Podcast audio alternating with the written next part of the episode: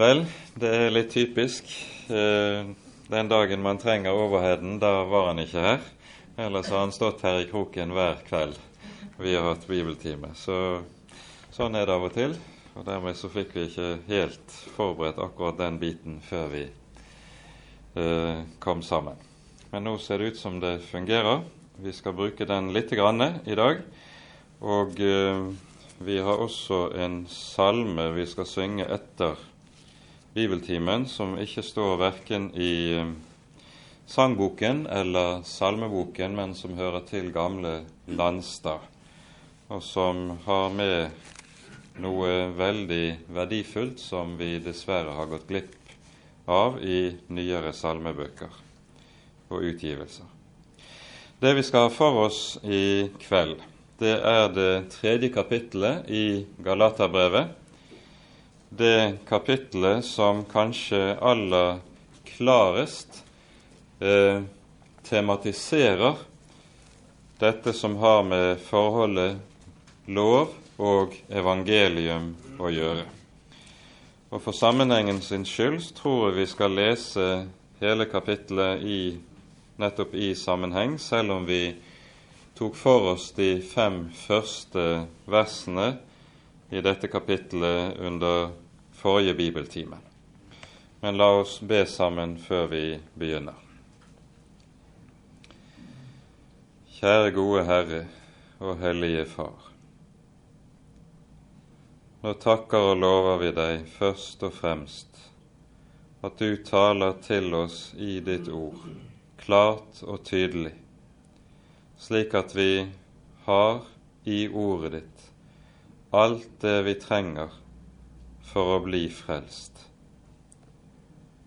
Nå ber vi, Herre, at du ved din store nåde vil sende din Hellige Ånd, og la oss få lov til å se og forstå det du taler til oss. Ja, Herre, send din Hellige Ånd og åpne hjertene våre, og gi oss den stillhet som er nødvendig for at dine ord kan få lov til å synke inn og gjøre sin gjerning hos oss. Du ser, Herre, hvor mye der er som uroer, som drar på hjertene. Herre, Herre, forbarm deg over oss. Det ber vi i Jesu navn og takker og lover deg, Herre, fordi du er god, og fordi din miskunnhet varer til evig tid. Amen. Da leser vi fra vers 1 av i kapittel 3. Dere uforstandige galatere, hvem har forgjort dere, dere som har fått Jesus Kristus malt for øynene som korsfestet? Bare dette vil jeg få vite av dere. Var det ved lovgjerninger dere fikk Ånden, eller ved troens forkynnelse? Er dere så uforstandige? Dere begynte i ånd. Vil dere nå fullende i kjød? Så meget har dere opplevd forgjeves, om det da virkelig er forgjeves. Han altså, som gir dere Ånden og virker kraftige gjerninger iblant dere, gjør han det ved lovgjerninger eller ved troens forkynnelse? Like som Abraham trodde Gud, og det ble regnet ham til rettferdighet. Derfor skal dere vite at de som har tro, de er Abrahams barn. Og da Skriften forutså at det er ved tro Gud rettferdiggjør hedningene, forkynte den Abraham forut det evangelium. I deg skal alle folk velsignes. Så blir da de som har tro, velsignet med den troende Abraham for så mange som holder seg til lovgjerninger, er under forbannelse. For det er skrevet:" Forbannet er hver den som ikke blir ved i alt som er skrevet i lovens bok, så han gjør det, og at ingen blir rettferdiggjort for Gud ved loven, er åpenbart, for den rettferdige ved tro skal han leve. Men loven har ikke noe med troen å gjøre, men den som gjør det, skal leve derved. Kristus kjøpte oss fri fra lovens forbannelse, idet han ble en forbannelse for oss, for det er skrevet:" Forbannet er hver den som henger på et tre. For at Abrahams velsignelse kunne komme over hedningene i Kristus Jesus, så vi ved troen kunne få Ånden som var oss lovt. Brødre, jeg taler på menneskelig vis. Selv en menneskelig pakt ville ingen gjøre til intet eller noe til etter at den er stadfestet. Nå ble løftene gitt Abraham og hans ett. Han sier ikke 'og dine ettlinger', som om mange, men om én. Og din ett, dette er Kristus. Dette er da min mening. En pakt som forut er stadfestet av Gud, gjør ikke loven som er gitt 430 år efter, ugyldig, så den skulle gjøre løftet til intet. For får en arven ved lov, da får en den ikke lenger ved løftet, men Gud har gitt Abraham den ved løftet. Hva skulle da loven til? Den ble lagt til for overtredelsenes skyld, inntil den ett kom som løftet gjaldt, gitt ved engler ved en mellommanns hånd. Men en mellommann er ikke bare for én, men Gud er én. Er da loven imot Guds løfter? Langt derifra. For var det gitt noen lov som kunne gjøre levende, da kom rettferdigheten virkelig av loven. Men Skriften har lagt alt inn under synd, for at det som var lovt, skulle ved tro på Jesus Kristus ble gitt den som tror. Men før troen kom, ble vi holdt innestekt i varetekt under loven til den tro som skulle åpenbares. Så er da loven blitt vår tuktemester til Kristus, for at vi skulle bli rettferdiggjort av tro. Men etter at troen er kommet, er vi ikke lenger under tuktemesteren. Dere er jo alle Guds barn ved troen på Kristus Jesus. For dere, så mange som er døpt til Kristus, har ikledd dere Kristus. Her er ikke jøde eller greker. Her er ikke trell eller fri.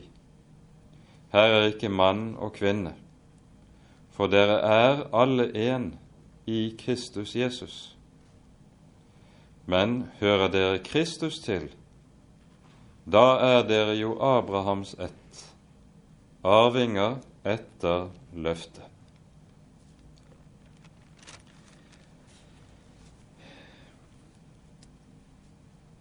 De fem innledende versene i dette kapitlet der taler Paulus om det som er galaternes egen erfaring når de mottok Den hellige ånd.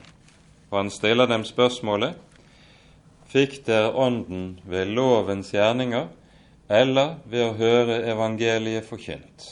Og de vet godt hva som er svaret på det spørsmålet. I vers 3 i denne innledningen stiller Paulus et meget viktig spørsmål. Dere begynte i ånd. Vil dere nå fullende i kjød? Det er vel muligens dette spørsmålet som er bakgrunnen for den spissformulerte satsen som vi har fra Rosenius når han sier i en bestemt sammenheng slik Noen går til Kristus for å bli rettferdiggjort, men til Moses for å bli helliggjort. Det som nemlig er saken, er nettopp at det galaterne har gitt seg inn i, og som Paulus søker å hjelpe dem ut av, det er en lære om helliggjørelsen som nettopp ødelegger rettferdiggjørelsen for troen. Det er altså ikke slik at disse judaistene eller vranglærerne som var kommet inn i menighetene der, angrep læren om rettferdiggjørelsen direkte. Nei, de gjør det indirekte, så å si via en omgående bevegelse. De kommer med en ny lære om helliggjørelsen, og dersom denne får rom, da vil det medføre at også rettferdiggjørelsen blir ødelagt. Det er det som er poenget. Og Her er det da Paulus stiller nettopp dette spørsmålet. Dere begynte i ånd. Vil dere nå fullende i kjød? De var rettferdiggjort av troen. De hadde fått Guds hellige ånd gjennom forkynnelsen av evangeliet. De hadde mottatt budskap om Jesu død for deres skyld. På dette grunnlag hadde de fått lov til å bli Guds barn. Så kommer disse vranglærerne og taler og sier det er vel og bra det Paulus har sagt, men hvis dere nå skal nå målet, så skal det mer til. Dere må gå videre i troen. Dere må ikke stanse her på barnestadiet. Og så kommer de med noe som likesom blir et tillegg til læren om frelsen, om rettferdiggjørelsen, til evangeliet om hva Jesus har gjort. Og gjennom dette tillegget ødelegges selve det grunnleggende i frelsen. Og så skjer det som Paulus her frykter, at de skal komme til å bli slike som fullender i kjød, det er det som nemlig skjer dersom en kommer inn under loven. Dette er det da Paulus så behandler videre i dette kapitlet. Og det vi skal merke oss her, er hvorledes Paulus går til verks. Han går til verks på den måten at han viser gjennom budskapet i Det gamle testamentet at det evangelium som han har forkynt, det er slett ikke noe som leder bort fra Skriftene, ikke noe som er nytt i forhold til Skriftene. Tvert om er det slik at dette er det som er gitt. Disse judaistene som var kommet til Galatia, de hadde antagelig argumentert overfor galaterne ved å vise til Abraham. Abraham hadde jo omskåret seg. Og da burde jo også disse som hadde kommet til troen, gjøre det samme hvis de ville være bibeltro. Det er nettopp av denne grunn Paulus griper tak i fortellingen om Abraham slik vi finner den i Første Mosebok. Og Legg nå merke til hvorledes Paulus siterer. Han griper fatt i i vers 6. Like som Abraham trodde Gud, og det ble ham regnet ham til rettferdighet. Dette verset er en begrunnelse for det foregående. Stiller vi nå spørsmålet på hvilket tidspunkt i Abrahams liv sies dette om ham? Sies dette ved begynnelsen av Abrahams liv, slik at han, da han tok imot kallet, da han brøt opp fra Uri Kaldea. Da trodde han Gud, og så ble det regnet til rettferdighet for ham. Det ville jo disse lovlærerne gjerne ha tenkt og sagt. Ja, han ble kanskje rettferdiggjort ved tro ved begynnelsen av sitt liv. Men dette er ikke tilfellet. Dette sies om Abraham etter at han har vandret i mange år med Herren. Og Da er saken den at selv etter å ha vandret i år etter år med Herren, har Gud ikke skiftet bokholderi, slik at nå er Abrahams barnekår hos Gud, Abrahams rette forhold til Gud, avhengig av hans gjerninger. Nei, selv etter så mange års vandring så er han fortsatt rettferdiggjort på grunn av troen. Derfor står dette i Første Moseboks 15. kapittel. Abraham har på dette tidspunkt antagelig vandret med Herren i ti år.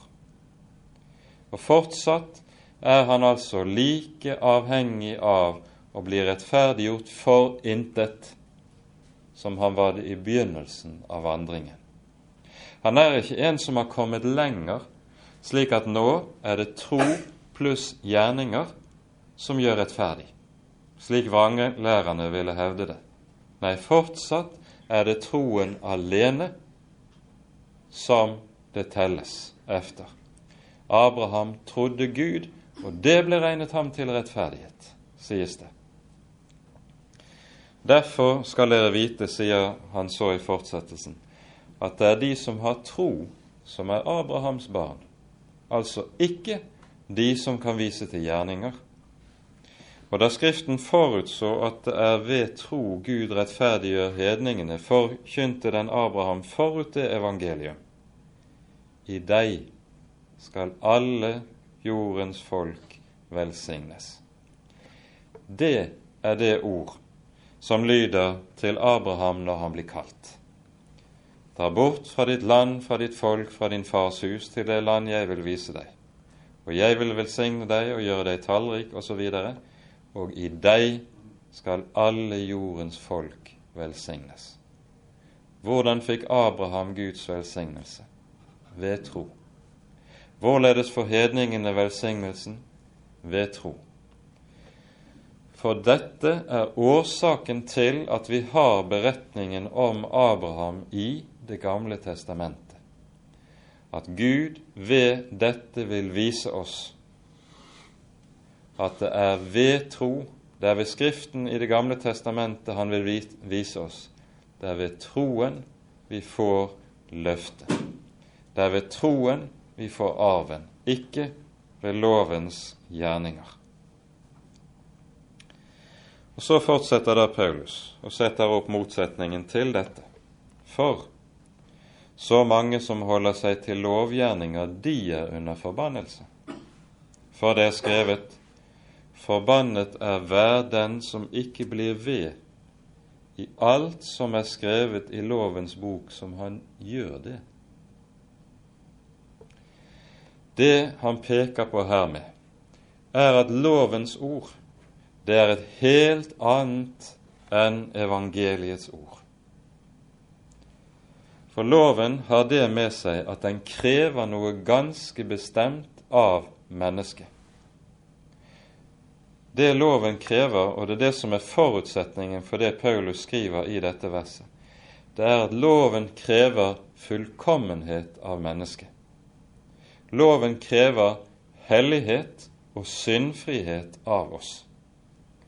Det er ikke, det er slett ikke tilstrekkelig om vi i det ytre oppfører oss noenlunde sømmelig og ordentlig, slik at folk, når de ser på oss, ikke kan ha noe å sette fingeren på. Vi har ikke dermed oppfylt Guds bud og Guds lov.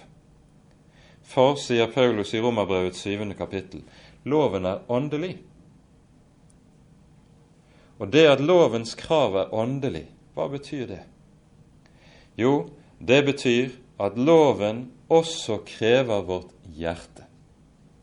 Den krever ikke bare min hånd, at jeg gjør det jeg skal, i mine ytre gjerninger. Den krever ikke bare min fot, at jeg i det ytre vandrer på de rette veier. Men loven krever også mitt hjerte. Den krever sånn som det står skrevet, du skal elske Herren din Gud av alt ditt hjerte, ikke av et halvt hjerte, men alt hjerte, av all din sjel, av all din kraft og av all din hu. Og likeledes, du skal elske din neste som deg selv. Og da har loven det med seg at den stiller meg inn i lyset og sier når du har latt være å stjele fra din neste, er det fordi du er redd for straff? Fordi du har lyst til å være et skikkelig menneske?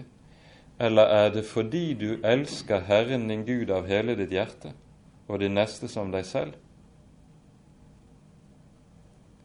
Skal du svare sant på det spørsmålet, så vil du vite at når du lar være å stjele, når du lar være å lyve, når du lar være å drive hor, osv., så, så er årsaken og drivkraften til dette ikke fordi du elsker av et fullt hjerte, men det er fordi, enten av menneskefrykt, eller fordi du er godt oppdratt, eller fordi du har lyst til å være et skikkelig menneske altså egenrettferdighet.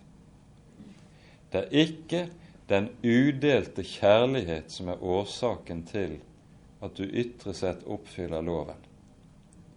Og når du dermed ikke har et udelt hjerte som elsker fullt og helt, da har du heller ikke oppfylt Guds hellige lov.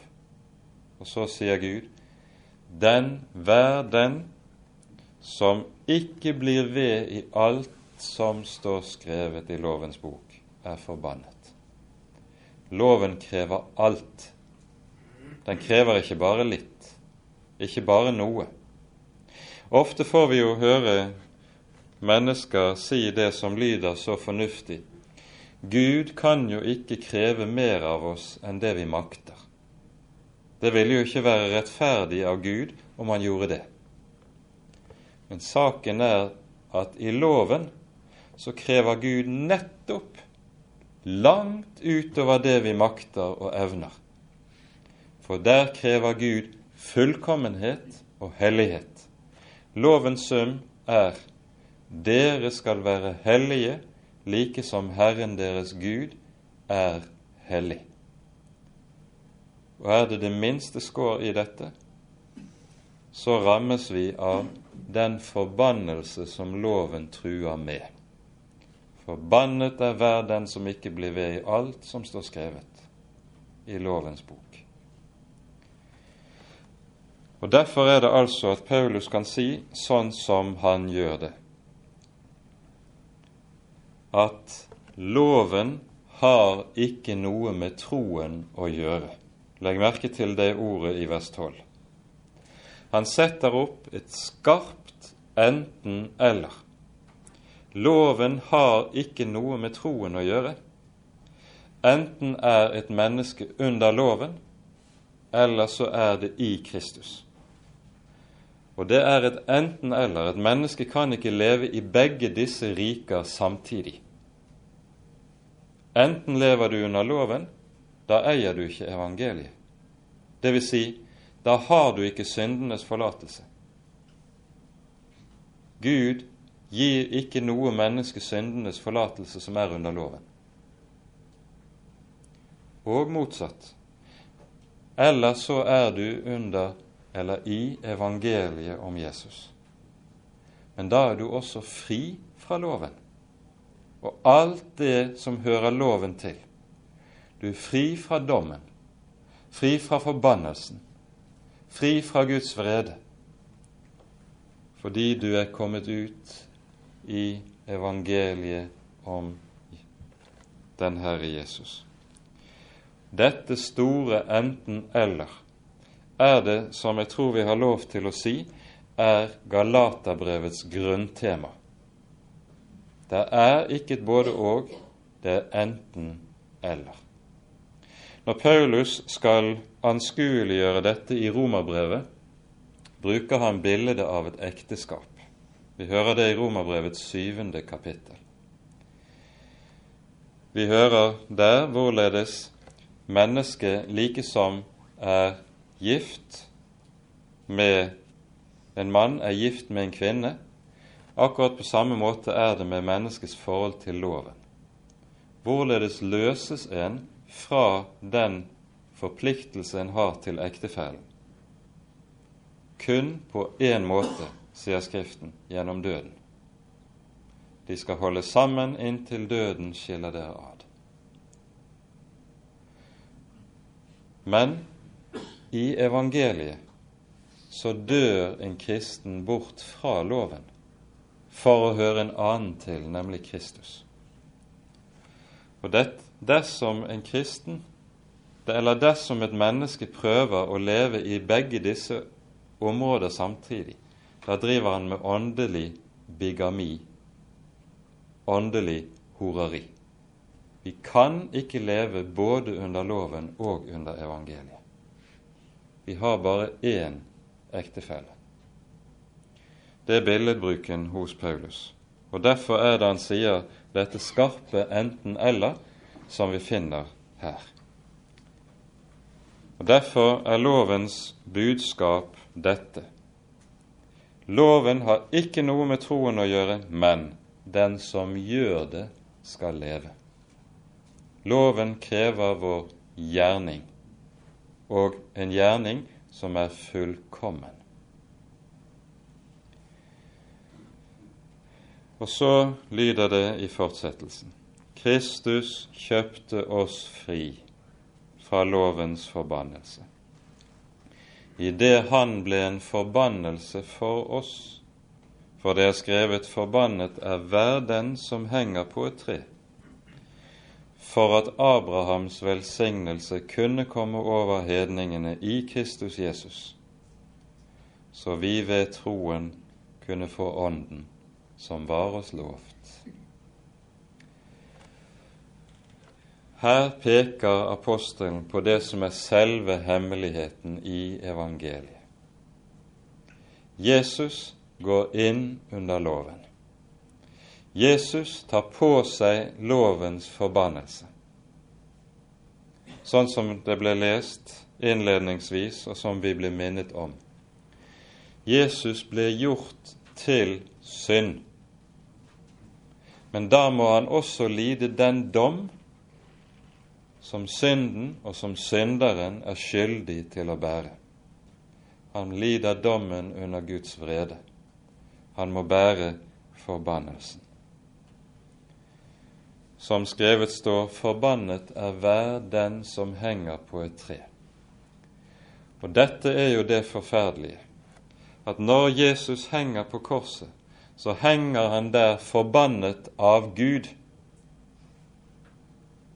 Det er det som klinger i Jesu rop på korset når han roper som han gjør. Min Gud, min Gud, hvorfor har du forlatt meg? Jesus blir forbannet for at vi skal bli velsignet. Jesus blir forkastet av Gud for at vi ikke skal bli det, men vi skal få lov til å høre ordene som lyder i Johannesevangeliet om de som hører ham til. Ingen kan rive dem ut av min hånd. Jesus blir fordømt for at vi skal bli frikjent. Det er evangeliet. Evangeliet er budskapet om at alt det loven krever, tar Jesus på seg. Og alt det loven dømmer den som ikke har oppfylt loven, det tar også Jesus på seg.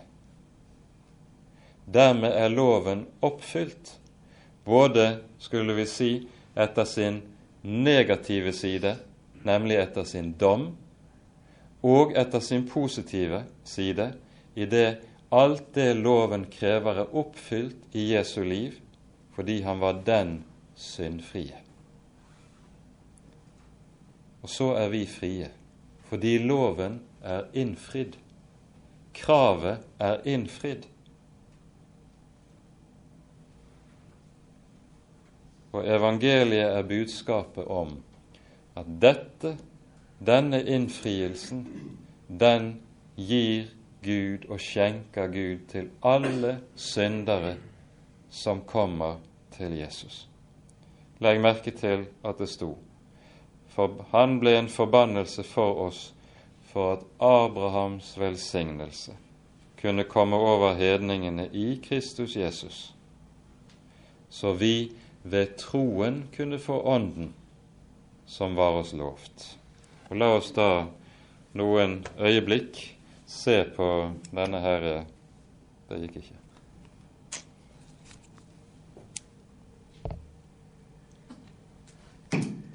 Der var det. Se litt på denne overheden, som litt skjematisk eh, illustrerer det som vi eh, har for oss her. Det loven åpenbarer, det er at den viser oss Guds hellighet.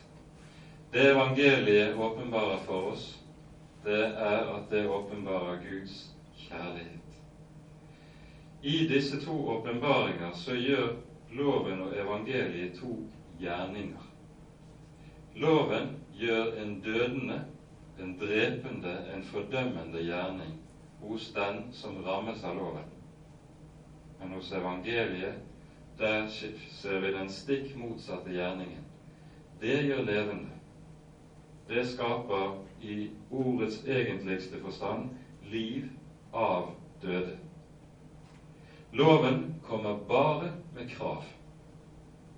Evangeliet forkynner ingen krav, det kommer kun med gave. Og det er en tommelfingerregel som vi skal merke oss og ha klarhet over. At der noe som er et krav til oss, og som sier 'du skal', og som så sies å være evangelium, det er en forfalskning av evangeliet. For evangeliet sier aldri 'du skal'. Evangeliet sier alltid 'du får'. Det gir uforskyldt. Loven krever med sine bud og forbud. Loven krever gjerninger. Evangeliet skjenker en ren og ublandet nåde. Av denne grunn er det som hører inn under loven slikt som er lønn og fortjeneste. Du får det hvis du i det hele tatt får noe, så får du det etter fortjeneste. I evangeliet, der gis alt for intet. Loven gir også et løfte. Den sier 'dersom du gjør det, skal du leve'. Det er et betinget løfte. Lovens løfte er betinget av at du oppfyller det. Evangeliet gir det samme løftet du skal leve. Men det forkynner betingelsen for at du skal få eie livet. Den har Jesus oppfylt. Det er Jesus som har oppfylt alle betingelser for at vi skal få være Guds barn. Loven kommer bare med dom, evangeliet med nåde. Loven avslører min synd, evangeliet skjuler min synd. Loven anklager meg og forferder meg, evangeliet trøster og reiser meg opp igjen. Loven peker på meg og sier du, du skal. Evangeliet peker aldri på meg og sier noe jeg skal gjøre. Det peker alltid og alene på Jesus og sier Jesus har gjort, Jesus har fullbyrdet. Evangeliet kommer aldri med noe ord eller betingelser som jeg må innfri. Og Derfor er det slik at loven og evangeliet har den store forskjell i at det ene fordømmer, det andre frikjenner. Det kan være en hjelp for tanken vår å ha et sånn enkelt skjema og sette det opp. Og det er slik Paulus legger denne saken frem i Galaterbrevet her i det tredje kapittelet. Når Paulus nå har gjort dette, så kommer vi inn på et nytt avsnitt fra det 15. verset, der han stiller spørsmålet Hvorfor har Gud da gitt oss loven? Hva er da meningen med at han først gir og åpenbarer evangeliet og løftet til Abraham, og så 430 år senere så åpenbares loven for Moses. Hvorfor gjør Gud slik? Dette er det da Paulus svarer på i det følgende. For det første peker apostelen på at det at loven ble gitt etter evangeliet, det er et faktum som stadfester at loven kan ikke gjøre løftet til Abraham, evangeliet som var forkynt Abraham, til intet. Og Det Paulus her gjør, det er at han her i vers 15 bruker eh, et bilde fra eh, arveretten. Selv en menneskelig pakt, er det oversatt i min oversettelse, selv et menneskelig testamente skulle det kanskje helst vært omsatt for tydelighetens skyld. For det greske ordet det betyr både pakt og testamente. Og det Paulus bruker som bilde her, er nettopp testamentet som gir arv når testator er død. Når testamentet er rettskraftig, så er det ingen som kan endre på det. Ingen har rett til det. Da er det gyldig, og det står. Slik er det med det testamentet Gud har gitt til Abraham. Det står fast. Det kan ikke gjøres til intet av loven. Men da blir jo spørsmålet enda mer akutt, slik vi hører det i vers 19. Hva skal da loven til? Jo, svarer apostelen, den ble lagt til for overtredelsenes skyld. Loven spiller en meget bestemt rolle i Guds frelseshusholdning. Loven er helt nødvendig av en bestemt grunn. Det at loven ble lagt til for overtredelsenes skyld, det ser vi og det gjentas for oss en rekke steder i Det nye testamentet. Tenk f.eks. på Romerbrevets femte kapittel, der vi hører det sies slik Loven kom til for at fallet skulle bli stort. Et underlig uttrykk. Det er ikke slik at loven ble lagt til for at syndene i og for seg skulle forstørres, men der loven kommer til, der åpenbarer den fallets dybde, hvor dypt, hvor stort syndefallet egentlig er. Loven ble lagt til for at fallet skulle bli stort. For uten loven så ser og erkjenner mennesket ikke synden i dens alvor.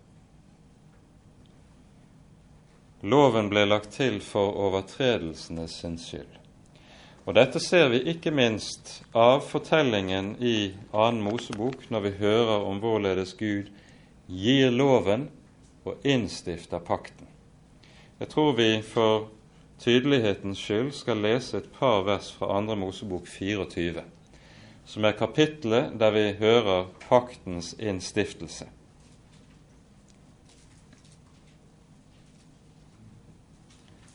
Vi leser noen vers Eh, fra begynnelsen av kapittelet. Til Moses sa han, Stig opp til Herren, du og Aran, Nadab og Abihu og 70 av Israels eldste, og dere skal tilbe på avstand.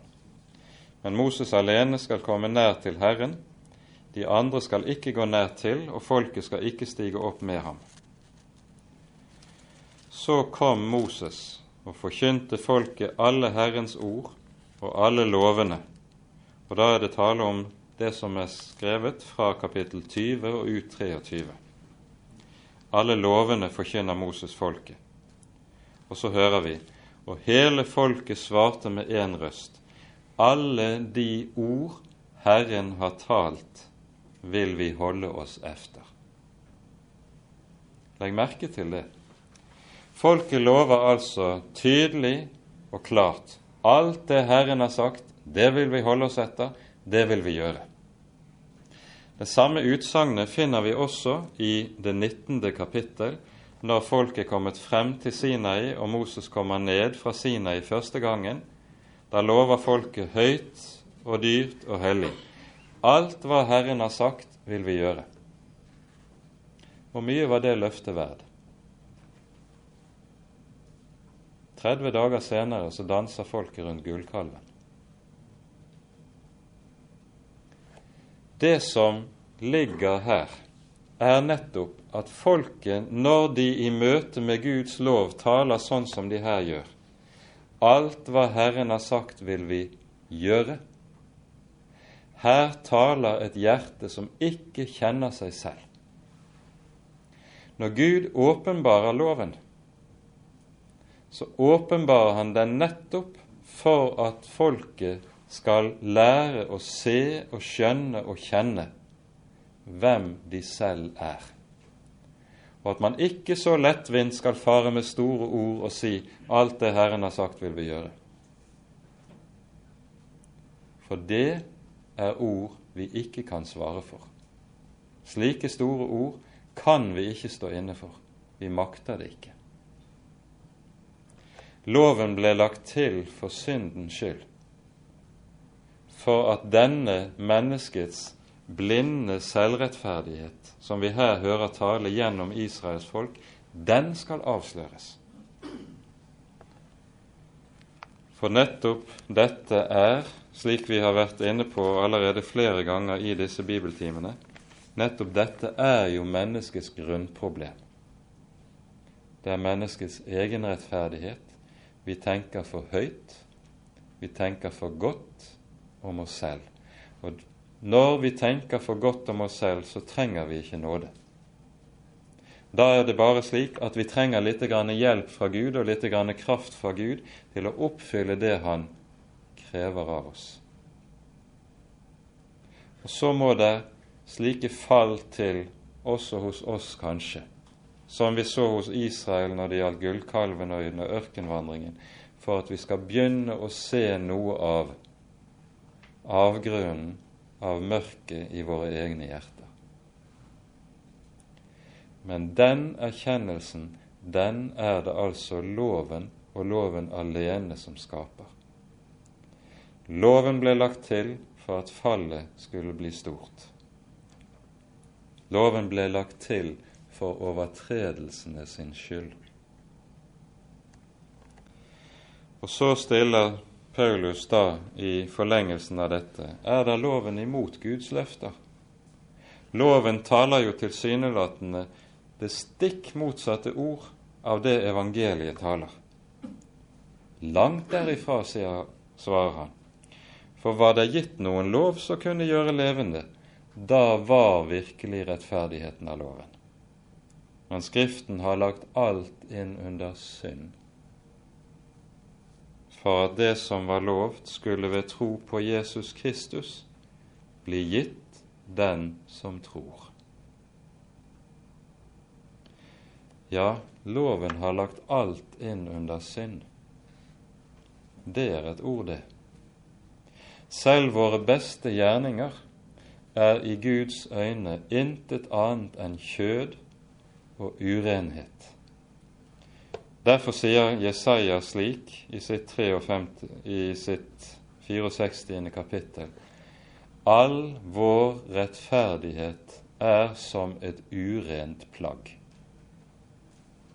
Han taler altså ikke om menneskets onde eller ytre sett dårlige og stygge gjerninger, men han taler om det som er best. Også det bærer samme dom. All vår rettferdighet er som et urent plagg. Dermed blir det klart hva som er lovens rolle. Så er da loven blitt vår tuktemester til Kristus, for at vi skal bli rettferdiggjort av troen.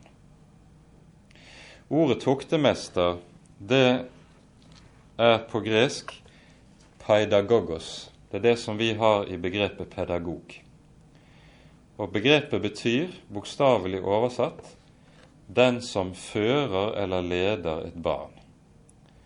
Og pedagogen, det var en slave som hadde oppgave å følge eh, herskapets barn fra hjemmet til skolestuen. Og denne slaven var bemyndiget med en stokk. Han hadde lov til å gi barna ris hvis de ikke fulgte han og gjorde sånn som de skulle. Pedagogen var en streng, og til dels kunne han være en hård herre for barna. Det er lovens oppgave.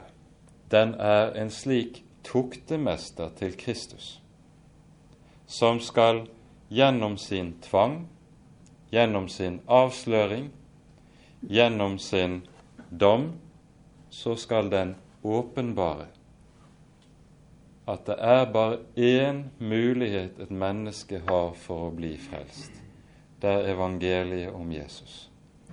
Loven skal stenge absolutt alle andre veier og alle andre muligheter for et menneske. Og Derfor er det Paulus også her bruker uttrykket 'loven holder oss i varetekt, den stenger oss inne'. Så er da loven blitt vår tuktemester til Kristus for at vi skulle bli rettferdiggjort av troen. Men etter at troen er kommet, er vi ikke lenger under tuktemesteren. Jeg tror det Paulus her sier, er noe vi trenger å merke oss meget nøye i våre dager. For i våre dager så ser vi jo det stadig er slik i Kirken at man finner på det ene etter det andre påfunn som likesom skal være pedagogiske hjelpemidler som skal hjelpe mennesker til å komme til troen. Og Felles for alle disse påfunnene, disse pedagogiske midlene som en finner på, er at alle sammen har det med at de glemmer det som er den viktige pedagogen loven.